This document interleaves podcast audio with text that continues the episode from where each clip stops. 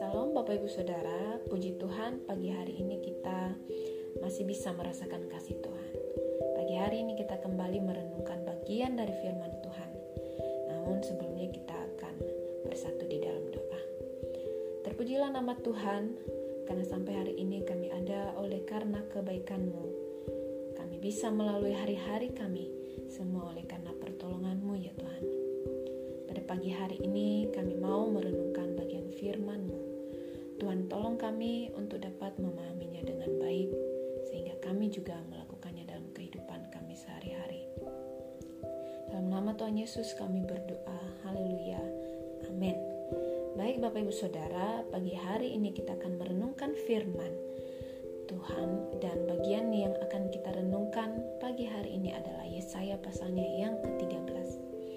Nah, Bapak Ibu, kalau kita melihat LAI memberikan judul besar di bagian pasal 13 hingga 23 ini adalah hukuman terhadap bangsa-bangsa baik Babel hingga bangsa Tirus dan Sidon pada pasal 23 pasal 13 perenungan kita pagi ini terdiri dari 22 ayat dan pada ayat-ayat inilah tercantum tulisan mengenai penghukuman kepada. Nah, Bapak Ibu Saudara, siapakah Babel? Perlu kita ketahui bahwa Babel adalah satu bangsa yang kuat dan bangsa ini dipakai oleh Tuhan untuk menghukum kerajaan Yehuda oleh karena dosa mereka. Namun, Hal yang menjadi pertanyaan adalah, meskipun menjadi alat Tuhan, namun mengapa pada akhirnya mereka, yaitu Babel, juga dihukum oleh Tuhan? Nah, Bapak Ibu Saudara, jika kita membaca ayat-ayat dari pasal 13 ini, kita akan melihat bahwa penghukuman Tuhan itu diekspresikan dalam kemarahannya terhadap bangsa Babel. Dan ini bukanlah sebuah tindakan sewenang-wenang dan tidak terkendali Bapak Ibu Saudara Justru Tuhan tahu tindakan yang akan ia lakukan dan apa alasannya. Bapak Ibu Saudara, kemarahan Tuhan selalu berada dalam kemahatauannya tentang dunia kejahatannya. Oleh sebab itu, kemarahan Tuhan dan penghukuman kepada Babel adalah juga karena alasan tertentu. Jika kita membaca ayat 3 Bapak Ibu Saudara, maka di sana dikatakan bahwa Tuhan telah memerintahkan satu bangsa untuk melaksanakan hukumannya, yaitu kepada Babel. Mengapa Bapak Ibu? Nah, mari kita lihat ayat 11. Di ayat ini dikatakan bahwa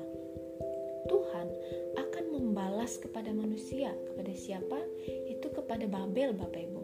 Karena kenapa Bapak Ibu Saudara? Karena kejahatan mereka. Nah, di ayat 11 ini di, di ayat 11 ini dikatakan bahwa Babel ini sombong dan congkak setelah Babel menjadi bangsa yang kuat dan mengalahkan bangsa-bangsa, bahkan mereka dipakai menjadi alat Tuhan, Bapak Ibu. Kemudian Babel ini menjadi sombong dan congkak. Dan beberapa catatan di Alkitab dikatakan bahwa Babel ini merupakan bangsa yang serakah dan mereka terkenal sebagai bangsa dengan kekuasaannya menindas orang-orang lemah tanpa kenal belas kasihan. Babel merasa diri hebat berkuasa Bapak Ibu Saudara. Dengan demikian Tuhan menunjukkan kepada mereka bahwa tidak ada satupun kekuasaan di dunia ini yang dapat melampaui kuasa Allah. Betul bahwa Babel adalah alat yang dipakai Tuhan. Namun, kesombongan dan kecokakan mereka membuat mereka dihukum oleh Tuhan. Nah, Bapak Ibu Saudara yang dikasih oleh Tuhan, dari sini kita bisa belajar bahwa sebenarnya manusia tidaklah dapat menyombongkan diri dalam hal apa pun juga, baik jabatan ataupun posisi tertentu,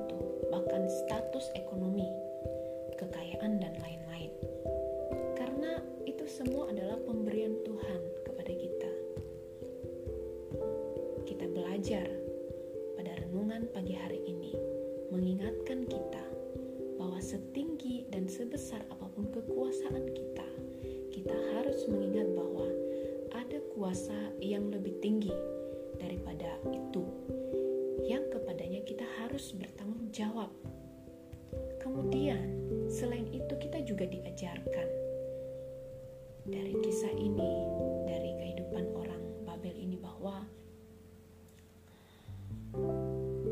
kita diingatkan untuk tidak menjadi orang yang sombong.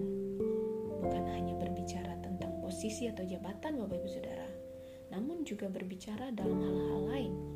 Bapak Ibu Saudara, kesombongan memang sulit deteksi sampai suatu saat kesombongan itu akan menghancurkan orang yang sombong.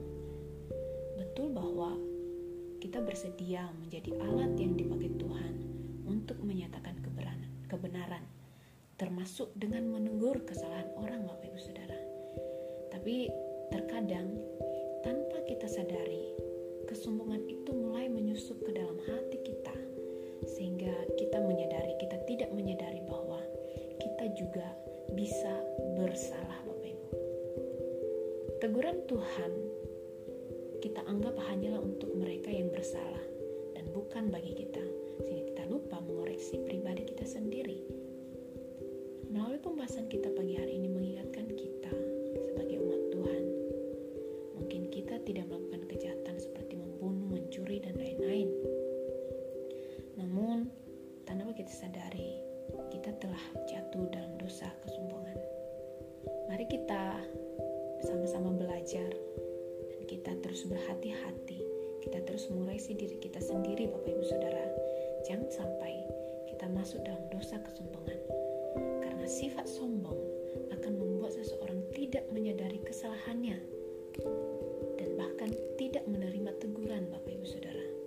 Dan sifat sombong ini perlu kita ketahui bahwa adalah sifat yang tidak disukai oleh Tuhan. Itu sebabnya dalam Yesaya 2 ayat yang 17 mengatakan, manusia yang sombong akan ditundukkan Tuhan sajalah yang Bapak Ibu Saudara melalui firman ini, mari kita sama-sama belajar. Puji nama Tuhan, demikian firman Tuhan pagi hari ini. Kita bersatu dalam doa dan kita juga akan sekaligus berdoa untuk kerinduan gereja Bethesda dalam pembangunan gereja. Tuhan terima kasih kami boleh diingatkan melalui kebenaran firman pagi hari ini. Kiranya kami terus diingatkan